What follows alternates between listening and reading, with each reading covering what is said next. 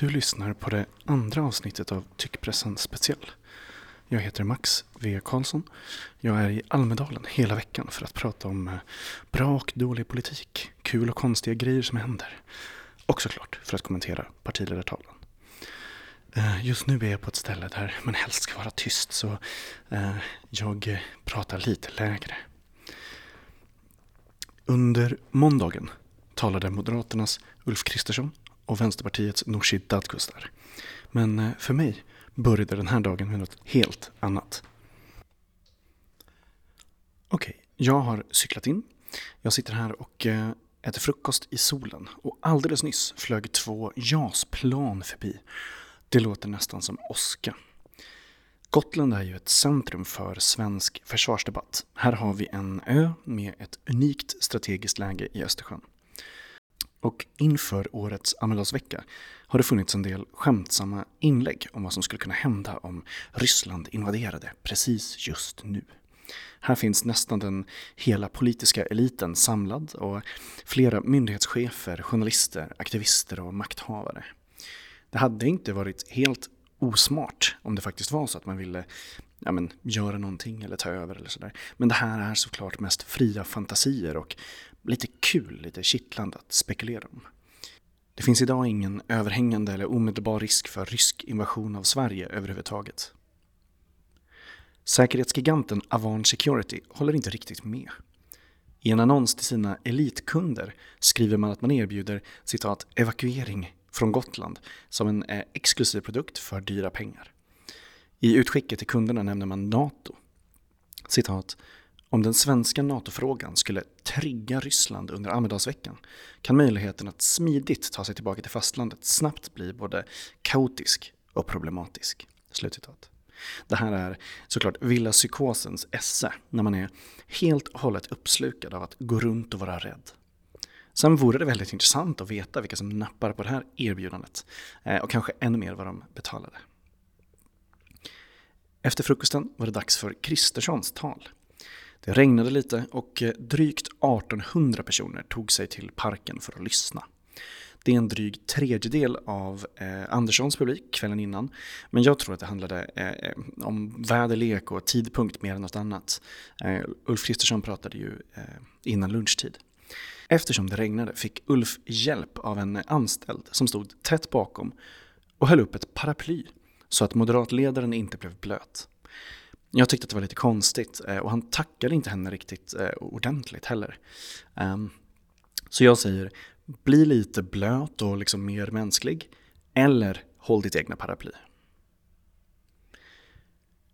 Ulf Kristerssons tal innehöll, till skillnad från Magdalena Anderssons, faktiskt en del överraskningar. Störst av alla dem var för mig när han creddade Sverigedemokraterna för att de enträget och envist kämpat länge för sina åsikter i migrationsfrågan.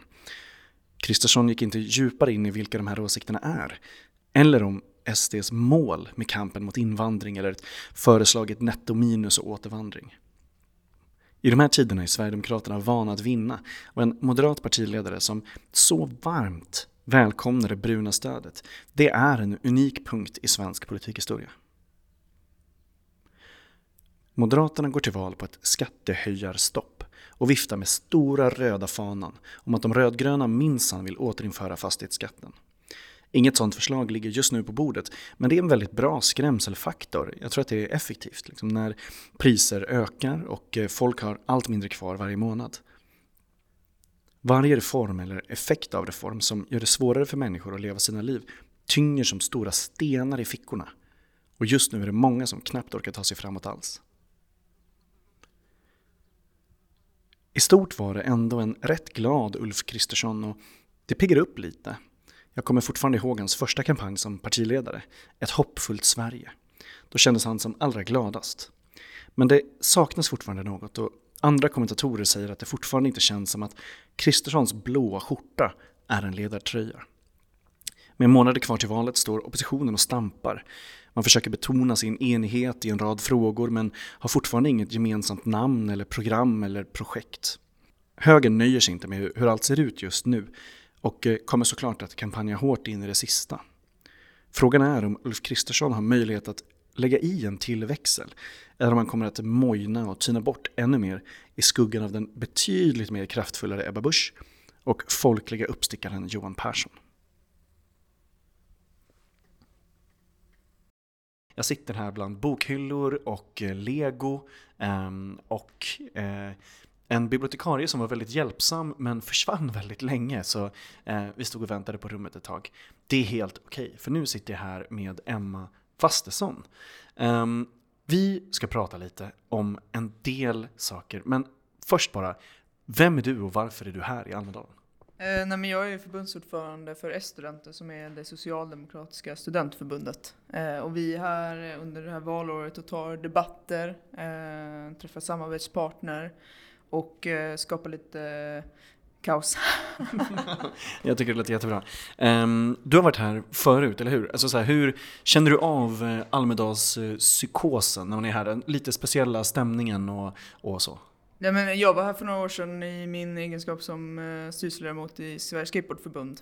Uh, och då träffade jag en del personer som från politiken och då var det rätt uppenbart att det man behövde ha var så här mingelinbjudningar och uh, det fanns en massa stängda möten och runda bordsamtal. Så det man ser liksom här ute, det som är offentligt, det är ju bara en liten del alltså. och det är väl lite Verkligen.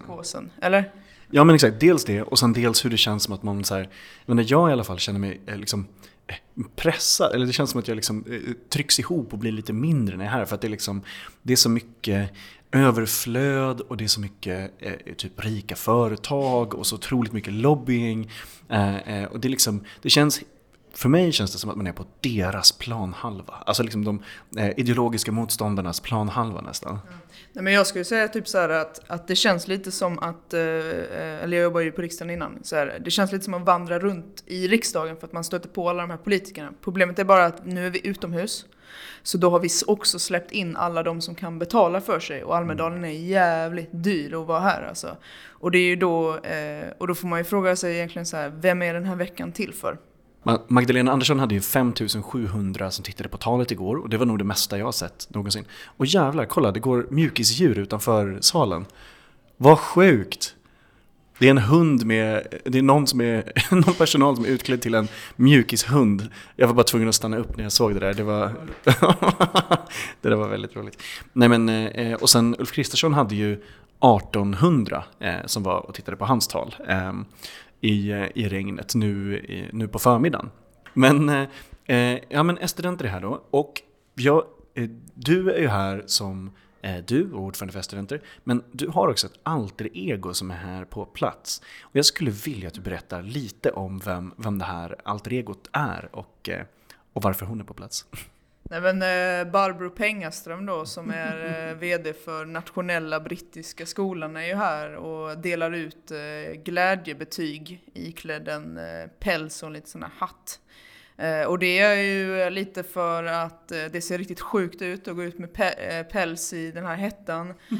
och också liksom att det är så absurt att ja, men friskolor eller vinstdrivande friskolor delar ut betyg till personer som inte är värda dem och då liksom det bidrar till ett rättsosäkert utbildningsväsende. Och också då att man kan tjäna otroligt mycket pengar på att driva skola och det har ju vi studenter alltid varit emot. Liksom. Just det. Jag fick ett flygblad eh, igår också, för ni går ut och delar runt an eh, till, till alla som, ja men precis. Eh, eh så var, eh, var det någon som reagerade på något, på något så här, hur reagerade folk när de fick sina an från, från eh, Pengström? Alltså väldigt många visade ju glädje. Och sen så var det en kille som sa, en ung kille som sa så här, men jag behöver inte det. Jag fick inga glädjebetyg på min friskola, eller något sånt där, på min friskola. Jag bara, ja men Nej, det fick väl inte jag heller. Jag har också gått på friskola. Så att det är ju eh, oftast när man möter sådana unga eller motståndare som har gått på friskolor så kan ju jag bemöta det rätt bra för att jag också har gjort det. Liksom. Och att jag, jag tror väl att i den här glädjebetygsdebatten så är det viktigt att det inte ha ett individperspektiv utan det är ju eh, det här systemet med vinst som skapar ett incitament för skolorna att, eh, att fuska och det har, har de varit väldigt duktiga på att göra. Så. Men verkligen. Det är kul också med det där att, att någon tar det liksom nästan personligt om man pratar om det så här. Nej, men, men jag fick minsann inga glädjebetyg. Man bara ja men det handlar kanske inte om dig, din självupptagna. Alltså nej. men det, det är ju också en del av eh, liksom hyperindividualisering och politikfokus-grejen. Att, eh, man pratar ju oftast såklart om politik utifrån en själv och så här. För alla som inte är nördar och som liksom för alla som inte kan tänka på politik som ett spel så är ju politik bara en kappsäck av erfarenheter egentligen. Så här, det du bär med dig och, och sånt. Men här så är det ju ett jättestort problem. Eh, eh, och det var ju faktiskt till och med så att alltså, både Socialdemokraterna och Vänsterpartiet har ju gjort skolan lite till sin stora fråga under den här Almedalsveckan. Eh, det kanske är så pass viktigt för väljarna, jag tycker det är lite tråkigt. Men, men eh, framförallt att de har samma. Eh, jag tittar på V där, det, V borde ha valt något annat, typ klimatet. Men eh, eh det, är ändå, eh, eh, det är ändå intressant. Och Magdalena Andersson sa ju till och med, eller pratade till och med om ett bildningsideal. Ehm, det tyckte jag var väldigt ehm, kul. Hur ser ni som studentförbund på att hon pratade ändå om så bildning, liksom, till skillnad från bara utbildning?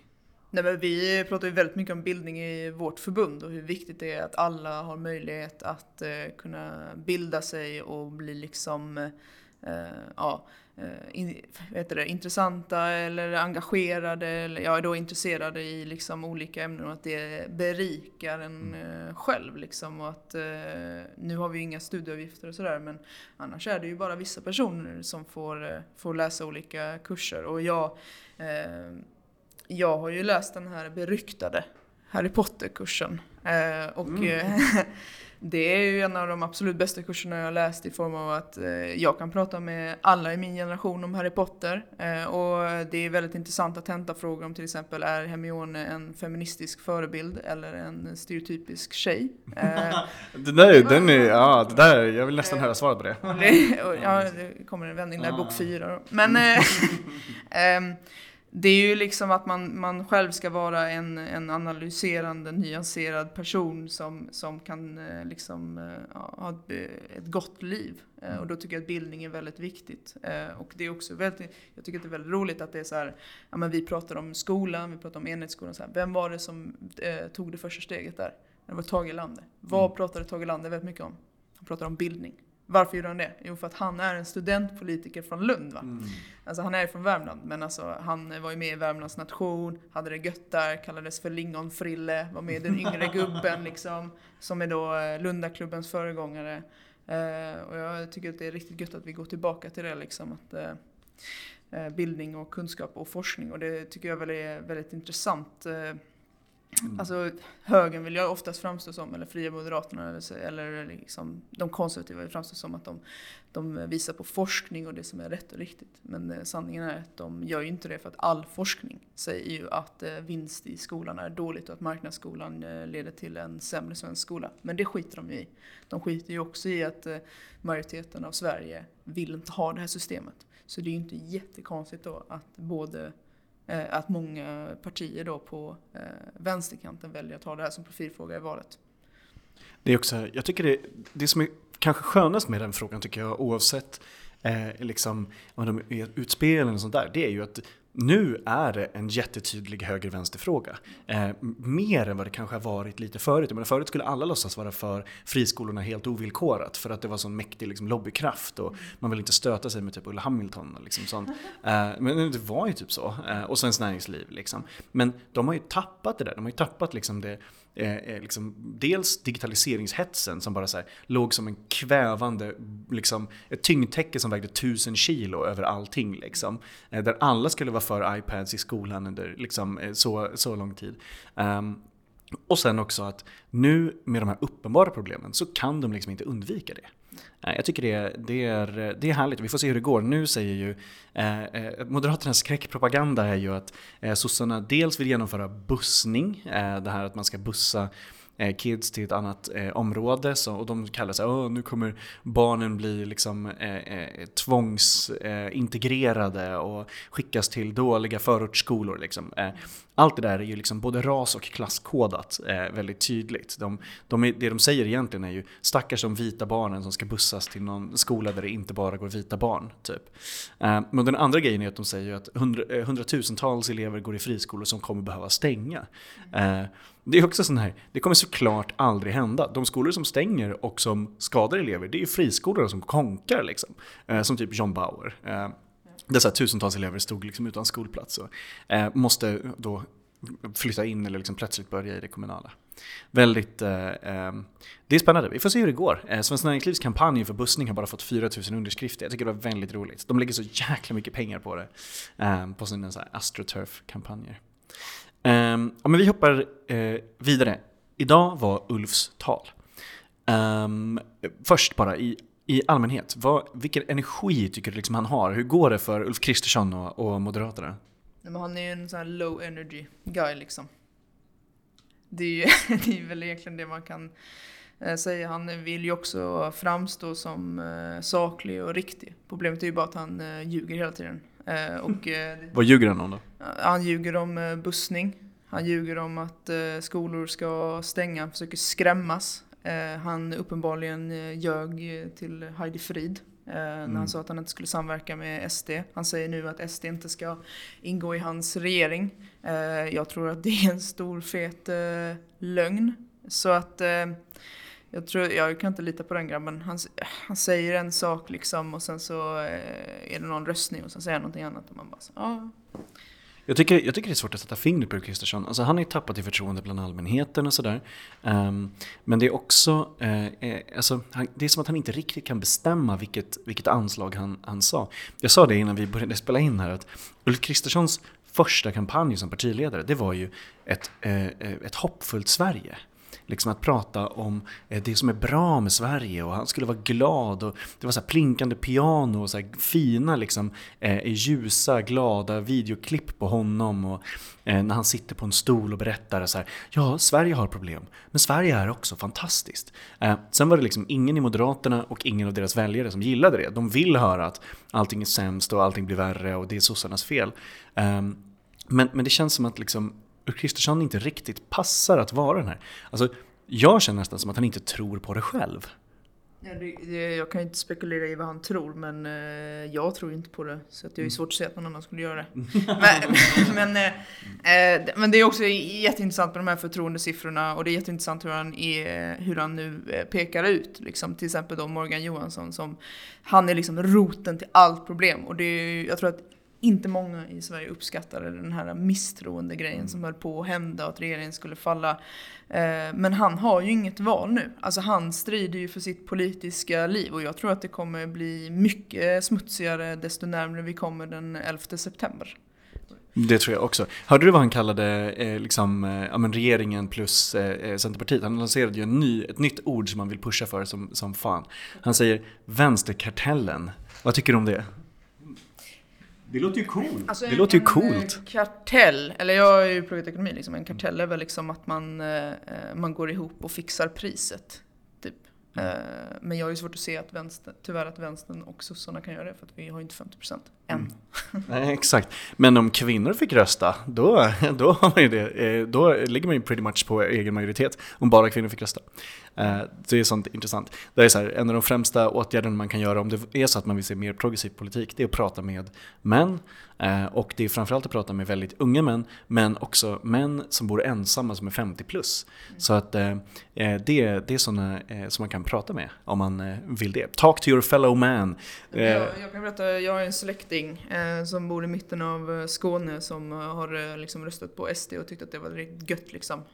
Men vi har ju haft så här tal om eh, vinster i skolan och han har tydligen sagt nu liksom att han, är, han gillar verkligen Magdalena, liksom att det, kom, att det kanske kommer gå över. Eh, för att det debaclet som vi ser nu på högerkanten med liksom, eh, ja, Ulf som eh, ja, han försöker liksom och sen så har de den här skojige liberalen som, inte, som liksom ändrar sig hela tiden. Och, eh, Den långa mitten som man kallar det. ja, men han- alltså, han är ju lite rolig. Ja, ja, ja jag tycker också det. Ja, men det är ju...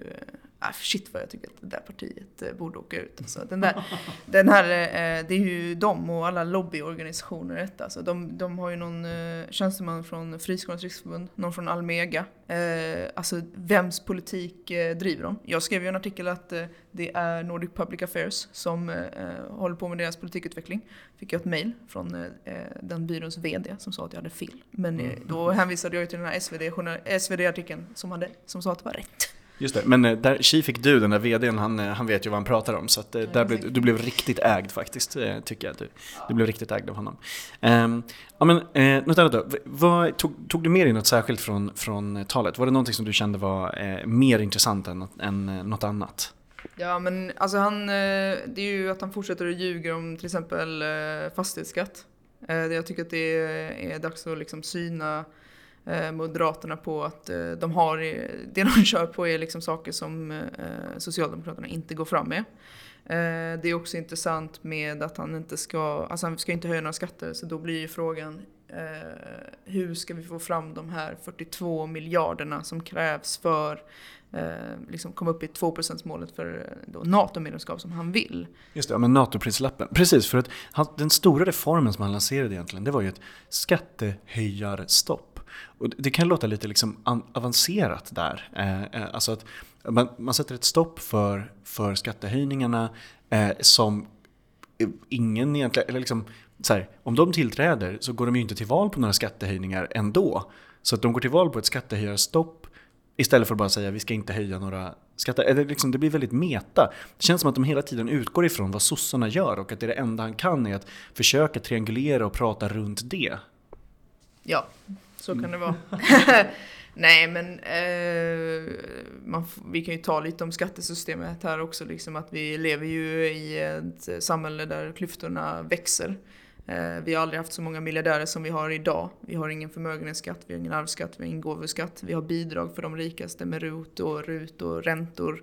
Eh, och vi har det här subventionerade sparet på ISK utan tak. Eh, och eh, medianen där är ju typ 50 000. Men sen när man börjar klättra upp, då den liksom 0,1 procenten, det är typ 200 runt 200 miljoner som de har på sitt ISK som de har subventionerat sparat nu. Och, eh, Normalt, vad härligt, vad skönt. det är svinget. Nej, men det, alltså, eh, och eh, eh, man behöver ju verkligen ha en skatteöversikt över, över liksom det svenska systemet. Problemet är ju bara att vi har haft en eh, borgerlig riksdag sedan Lordi vann Eurovision 2006. Så att vi kan, liksom, det är ju väldigt svårt. Eh, vi behöver ju absolut ha regeringsmakten efter hösten men vi behöver också ha liksom en, en framåt modern eh, riksdagsmajoritet. Vad skulle hända för att du skulle vara helt nöjd med veckan? Nej, men jag, jag skulle vilja svara på det så här med vad, vad jag skulle vilja ha istället för Almedalsveckan. Liksom. Eh, och jag skulle vilja ha sådana här seminarier och sådana här tal fast kanske på andra platser i eh, Sverige. Liksom. Ja, men typ Malmöfestivalen liksom, där alla är. Där skulle man kunna ha eh, någon form av eh, samtal. Eh, det finns andra festivaler eh, runt nu om i sommaren. Ehm, det är väl om vi vill liksom att Almedalen ska vara typ, det är ju typ en festival. Mm, eh, där folk kan komma och lära sig mer om politik eh, och gå på seminarium gratis. Det tycker jag är svingött, det är liksom bildning. Problemet är ju bara att för att komma hit måste du antingen bo här eller vara rik. Eh, och eh, det är beklagligt. Verkligen, så det bästa Almedalen är Inget annat. alltså att, att, det, att det, den typen av liksom politisk forum sker på ett sätt som är mer, eh, mer lättillgängligt. Ja. Eh, dörrknackar man i studentkorridorer? Eh, ja. Gud vad roligt.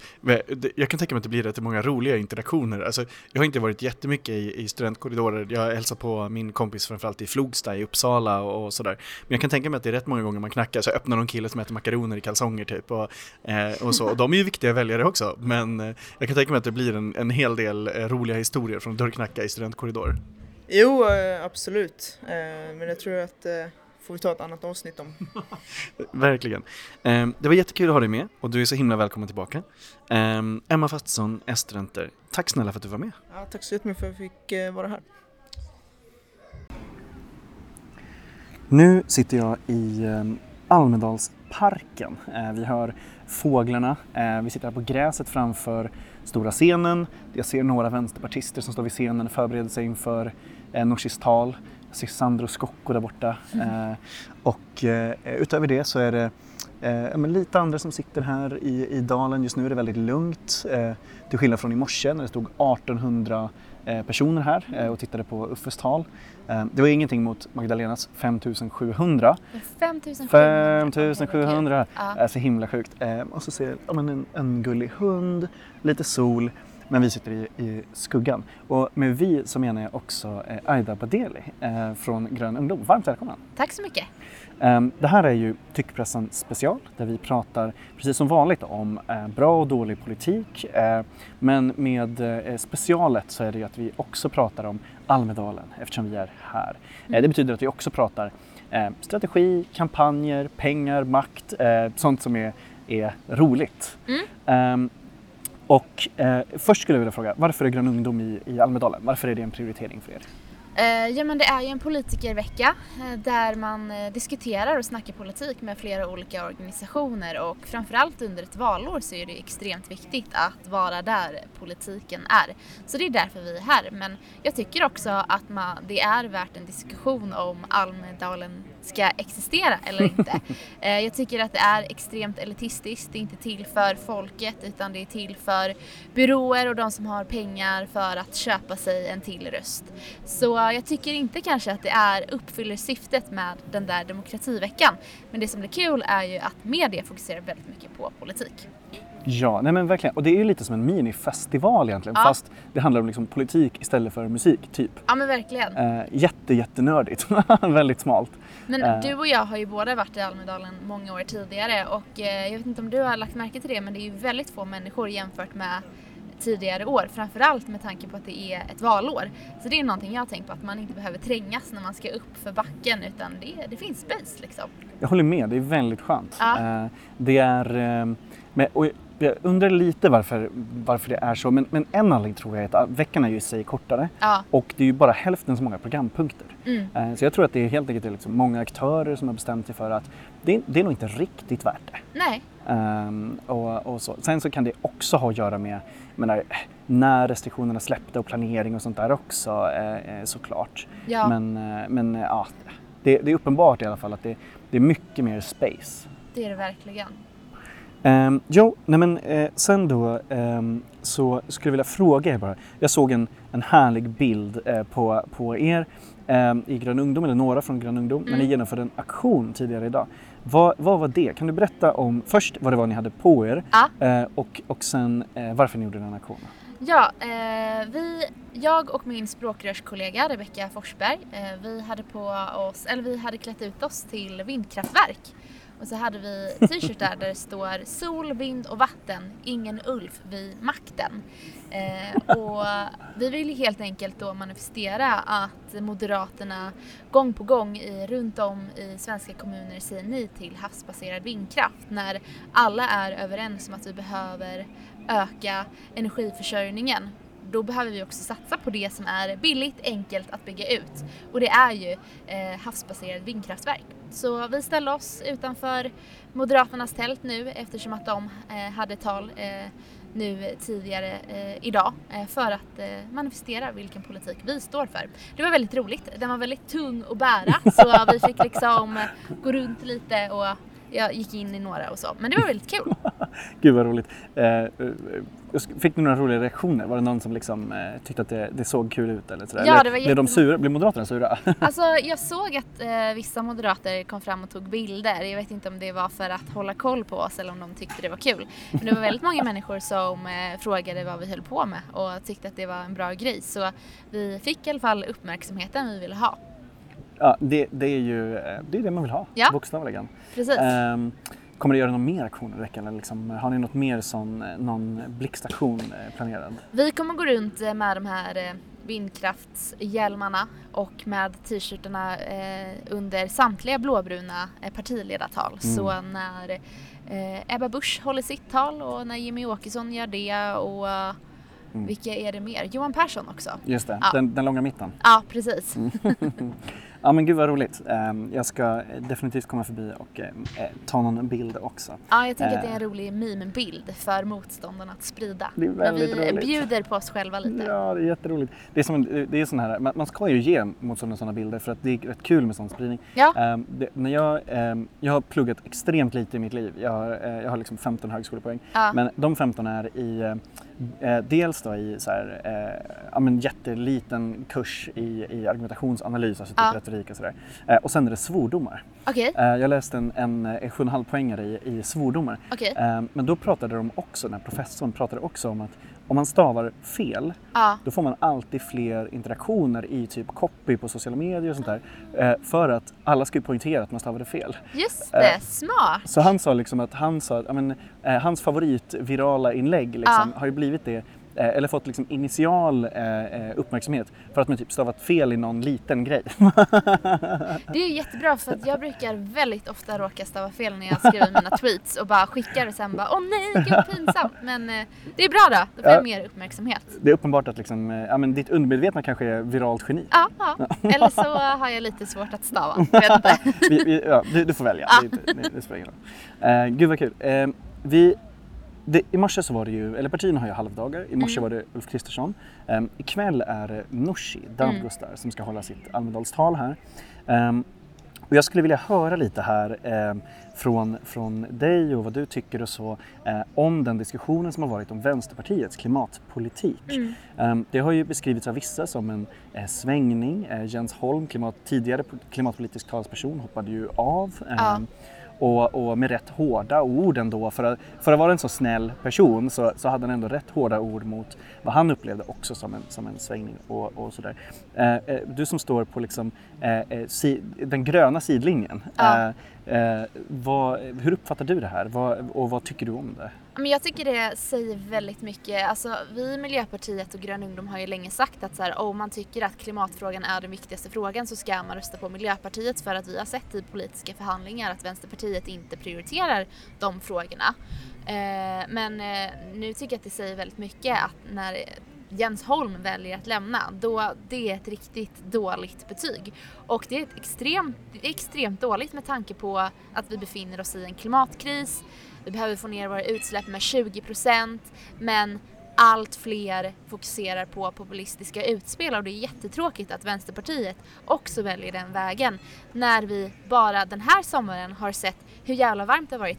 Just nu är det fett varmt men också i hela Europa.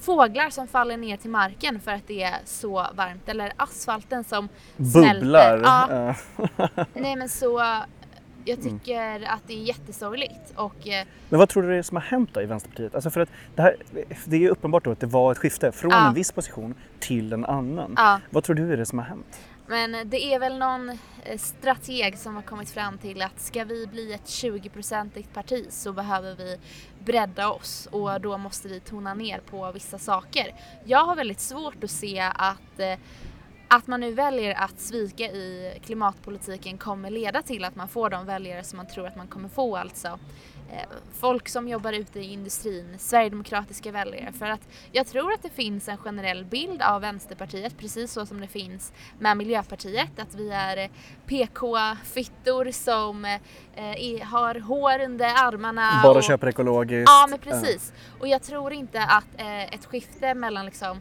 Eh, från ett år till ett annat kommer leda till att eh, man får eh, den väljarbas man vill ha. Men det här kanske är en långsiktig satsning och det kanske går att på ett sätt hellre bättre att eh, Vänsterpartiet får Sverigedemokraternas väljare än att Sverigedemokraterna ökar. Eh, för jag gillar ju Vänsterpartiet det är, men det är ett enormt svek att de skiter i klimatpolitiken. Jag intervjuade en miljöpartist tidigare ehm, som sa eh, man, kan- eller lita aldrig på en sosse i, i klimatpolitiken. Ja. Eh, och eh, eh, det kanske, eh, ja, men, går det åt hållet att lägga till en vänsterpartist i den, i den meningen också kanske då? Ja men med Nooshis nya eh, politik så absolut. Mm. Det skulle jag verkligen säga. Om du, eh, eh, talet är ju ikväll, vi har Ja. inte hört det än. Ehm, om du skulle eh, få drömma lite då, eh, så här, om du skulle få säga liksom, eh, någonting som hon skulle kunna säga från scenen som du skulle känna så här, fan yes, det där var grymt, det behövde sägas från, från Almedalsscenen. Det behöver inte vara om klimatpolitiken, det Nej. kan vara lite om, om Ja. vad som. Men liksom, vad, om du fick eh, önska fritt från talet ikväll, vad skulle du vilja höra? Men jag hade önskat att få höra Jonas Sjöstedt.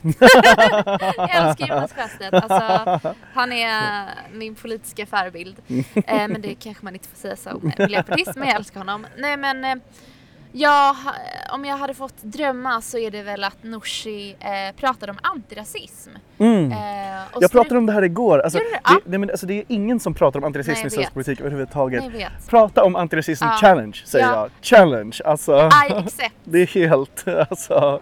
Ja men okej. Ja. Nej men för liksom Magdas tal igår var ju, jag tyckte det var jättenationalistiskt. Det mm. var så här, 28 varje gång hon sa Sverige eller svenskt. Och jag tror att Nooshi kom, också kommer prata om svenska jobb för svenskar och industrin och vi bryr oss om svenskar. Just det, göra rätt för sig. Precis, mm. precis. Mm. Eh, undersköterskan som har jobbat hela sitt liv. Jag tror att det kommer vara lite sosse-kopior. Det kommer vara lite sosse-slogans tror jag också. Mm. Eh, men alla ska med. Alla ska med, ja det, det, är ju MP som mm. har kopierat det. Men eh, det kanske hon också säger. Men eh, jag hoppas på antirasism men jag vet att hon inte kommer prata om någonting som har med antirasism att göra eftersom att då får hon inte rasisternas röster. Så. ja, det, det, ska bli, det ska bli spännande att se. Ja, vad Kom... hoppas du på då? Oj, eh, personligen, ja men absolut. Jag skulle vilja ha eh, en, dels en stark facklig offensiv. Jag skulle ja. vilja säga typ första gången ett parti ordentligt säger vi vill stärka arbetsrätten. Ja. Eh, och jag, jag har ju en kul grej där, eller jag tycker att man ska koppla trygghetsfrågan som alla ändå bara pratar om, ja. eh, att koppla den till trygghet i boendet och på jobbet. Eh, för att det är där vi spenderar mest tid. Ja. Eh, jag har ju jobbat lite med bostadspolitik och så ja. innan, men så att det jag skulle till exempel skulle vilja höra det är ett starkare skydd mot godtyckliga eh, vräkningar mm. och framförallt ett stopp för renovräk. Eh, det har de ju i sitt partiprogram. Mm. Men jag skulle vilja, jag menar, tänk en story om eh, eh till exempel de här, pensionärerna i Solna som blev ja. lyxrenoverade av allmännyttan där. Ja. Eh, eh, som behövde, liksom, hade bott 40 år i en lägenhet, de ska nu flytta till någon annat i en helt annan stadsdel där de inte känner någon på andra sidan stan. Ja. Ehm, och många har bara inte råd. Fler hamnar liksom på gatan direkt av dem. Och, och, så. Det hade jag velat höra. Vänsterpartiet hade ju en bostadspolitisk nisch väldigt tydligt. Mm. Jag menar när de fällde regeringen och sådär. Um, och, men, jag upplever att det inte heller är riktigt någon som pratar om det. Eh, och om man gör det så pratar man bara om det ägda boendet. Då pratar Precis. man om liksom, lättnader för det, ja. eh, lättnader för räntan och kost, liksom ökade kostnader. Jag menar, som kravet från Centerpartiet nu då också med, med amorterings, eh, att slopa amorteringskravet och, ja. och, sådär. Det kan vara bra för de liksom, som äger sitt boende och, och det är många arbetare som gör det också och, och eh, sådär. Inte, inte lika många unga men eh, eh, det är också så här, prata om hyresgäster challenge. Ja, ja men verkligen och Hyresgästföreningen säger själva att eh, hyresgäster kommer drabbas extremt negativt med tanke på att eh, hyrorna kommer höjas på grund av den situation vi befinner oss i just nu. Verkligen. Eh, Hyresvärdarna får ju kostnadstäckning bland annat för flera av, av de utgifterna som ökar mest i inflationen. Typ ja. värme, el, alltså VA-kostnader. Ja. Eh, så bara där kommer man se en hyreshöjning ja. på mycket, mycket mer än vad de årliga höjningarna mm. brukar vara. Ja, det är orättvist. Verkligen, eftersom hyresgäster också i snitt är de som redan har lägst inkomster. Ja, och lägger störst del av sin inkomst på sitt boende. Ja men exakt. Exakt. Ja. Så att det är det jag velat höra. Mm. Jag hade också, jag menar en sån enkel grej som man skulle kunna dra så här cred-poäng för, mm. det är att prata om stopp för barnvräkningarna. Ja. Eh, Sverige har ju en nollvision sedan Fredrik Reinfeldts tid om att inga ja. barn ska bli vräkta. Men 300 barnfamiljer blir vräkta varje år och det har ökat under Magdalena Anderssons tid. Eh, det är Kronofogden som, som ansvarar för de här och det, eh, den allra, allra största som det handlar om det är småskaliga hyresskulder. Det är alltså hyresskulder som är på ungefär 20 000 kronor ja. som står för majoriteten av de här. Eh, om man då kan pynta det eh, eh från, eh, såklart kan man bara göra det från statens håll direkt. Ja. Eh, då kan de här människorna bo kvar och det slipper bli en jättestor grej för de här men också för hela liksom, samhället. Ja men verkligen. Så det, det hade någon bara kunnat säga om barnvräkningar. Det hade väl liksom varit en sån enkel grej. Och jag tänker att eh, gemene man är extremt mot också. Ja. Att barn blir hemlösa. Verkligen! Vilket parti skulle säga att de är för barnvräkningar? Ja, liksom? precis. Men också att det kostar jättemycket att placera en mm. familj på hotell varje mm. natt. Det kostar ju typ 7000 spänn per natt. Mm. Så liksom, om man inte bryr sig om människor som lever i ekonomisk utsatthet så borde man bry sig om kommunens budget. Och det är ännu dyrare att ha barnfamiljer som man behöver fixa boende åt. Verkligen, det, det finns liksom ett sånt eh, högerargument eh, ja. för det med ekonomin. Att så här, det ansvarsfulla är ju att, att få dem att bo kvar. Liksom. Ja men verkligen. Ja, det är väldigt kul. Ja, men så det, det ja. eh, hoppas jag lite på. Vi, det... vi, får se. Kommer du vara här på plats och lyssna på det? Eh, det kommer jag. Det kommer mm. jag. Eh, det är kul att lyssna på tal. Det är det. Men en annan grej som jag tror att hon kommer prata om är att hon kommer återigen lyfta ett ultimatum, ultimatum om att hon eh, eller att Vänsterpartiet ska sitta i regering med Magdalena Andersson. Just det. Jag Mm. ser den flashen framför mig. Verkligen. Man vet ju att de planerar för flashar, alltså. det Ja, är ja, ja. så himla tydligt. Gud vad bra. Eh, och jag brukar alltid i slutet vid intervjuer fråga om det är att man, eh, man vill skicka med precis vad som helst till tyckpressens lyssnare. Eh, det kan vara ett tips om någonting som de borde kolla in eller egentligen vad som helst. Vad vill du säga till tyckpressens lyssnare innan vi avslutar? Det jag skulle vilja säga är att om man eh, vill få ner klassklyftorna i Sverige men samtidigt också ställa om Sverige och få ner utsläppen så är Miljöpartiet ett eh, alternativ. Jag tänker mig att vissa kanske eh, inte tänker på att Miljöpartiet också är vänster. Eh, men de är det och, eller vissa företrädare är det i alla fall och jag tycker verkligen att så här, eh, rösta på eh, företrädare som identifierar sig själva som vänster. Till exempel mig. Så rösta på mig i valet 2022. Nej men klimatet är vår tids viktigaste fråga och jag tycker inte att vi har tid att vänta på att politiker ska ta den på allvar och behandla klimatkrisen som den kris det faktiskt är. Så eh, rösta på ett parti som faktiskt bryr sig om klimatet på riktigt. Det låter jättebra. Ja. Eh, tack snälla för att eh, du var med. Tack själv!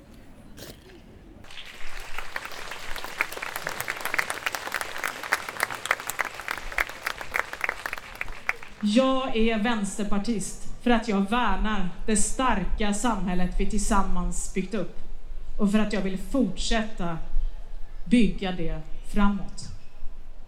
Det är folket som bygger landet. En sång skriven av Ulf Lundell. Du kanske tror att det är medelklassen. Du kanske tror att det är finansaktörerna. Du kanske tror att det är experterna. Du kanske tror att det är direktörerna. Men det är folket som bygger landet. Folket är de enda som kan det.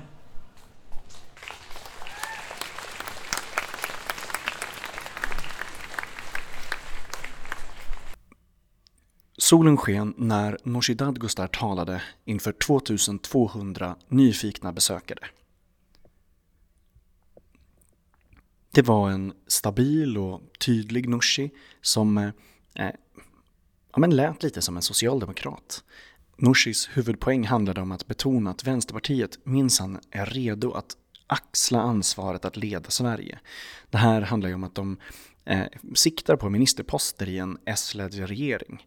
Ehm, jag vet inte om det är rätt väg att gå för Vänsterpartiet. Och framförallt så är det svårt att hänvisa till lyckade exempel där andra partier har regerat tillsammans med Socialdemokraterna och inte totalt raserats. Ehm, vi ser ju Miljöpartiet, eh, Centerpartiet också som exempel på det här. De enda det går bra för när Socialdemokraterna samarbetar med andra är Socialdemokraterna. Nooshi höll lite låg energi men talet var tekniskt snyggt. Hon pratade om vinsterna eh, och eh, sa flera rätt visionära grejer ändå. Ett citat var “Allt är omöjligt tills det är genomfört, då är det självklart”. Det här handlade om eh, de tre punkterna som Nooshi menar att Vänsterpartiet har bidragit till den närmaste tiden. Det handlar om stoppet mot fri hyressättning i nyproduktion. Det handlar om en höjd sjukersättning Eh, i sjukförsäkringen, en bättre sjukförsäkring. Och då Nooshi-tillägget, det så kallade Nooshi-tillägget, en höjning av garantipensionen. Ehm, den höjningen av garantipensionen kallade eh, Nooshi för årtiondets reform för jämlikheten. Men sen pratade Nooshi också om hur Vänsterpartiet har förändrats. Eh, att man är betydligt mer realistisk nu, att man inte bara har fina ord, eh, att man inte kan eh, lita på, på andra så pass mycket som, som Nooshi menar att man har gjort. Eh, Och eh, hon säger också att partiet har varit för passivt. Vänstern har en rätt tydlig strategi här att eh, man vill prata om reformer och förslag som drar till sig en kanske lite bredare eh, eh grupp människor än tidigare. Eh, man riktar sig rätt mycket till arbetare där akademiker i mycket högre utsträckning har röstat på Vänsterpartiet än arbetare som grupper. Ehm, och Jag tror att det är ehm, ett riskfyllt spel att inte prata om sin mest radikala politik för att försöka då locka till sig några bredare. Ehm, eh, det är uppenbart att man ser det så som att eh, de som röstar vänster ändå inte kan gå längre vänsterut. Det finns ingenstans de ska ta vägen, de kommer ändå rösta på Vänsterpartiet. Men det är inte säkert att det är värt det. Och framförallt så borde man säga det här till då sina mer radikala både företrädare och eh, väljare. Att man säger ta det lite lugnt, den här politiken finns kvar, eh, men just nu så eh, vill vi öka vårt stöd markant. Du har lyssnat på det andra avsnittet av Tyckpressen Special. Vi hörs igen redan imorgon.